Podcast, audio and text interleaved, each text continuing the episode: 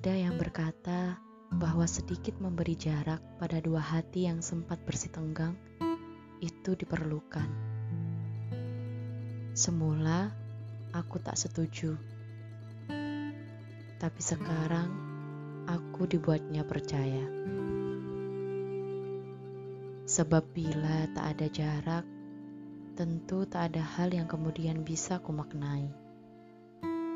Bila tak ada jarak, mungkin aku masih terus menuduhmu sebagai tersangka atas seluruh luka.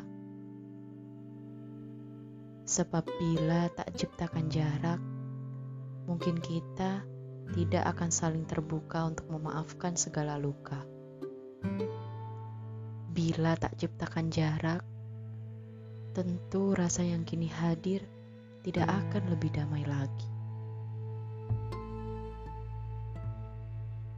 Aku belajar pada saat kita saling berjarak bahwa rasa sayang semestinya tidak lantas membuat kita merasa paling berhak memiliki. Aku belajar pada saat kita tengah berjarak bahwa perasaan sayang tak selayaknya membuat kita saling menyalahkan, hingga masing-masing harus berkemas pergi.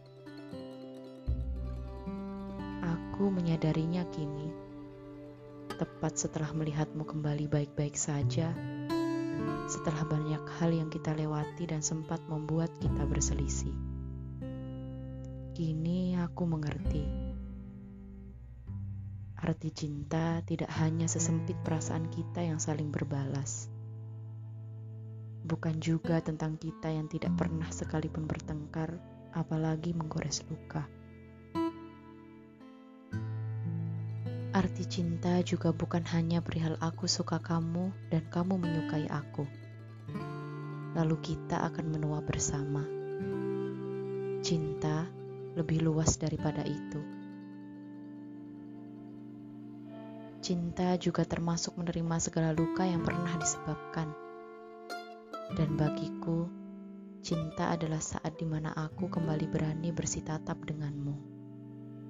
Seperti saat ini, saat semua damai dari maaf yang tercipta di antara kita mampu membuat semesta cemburu.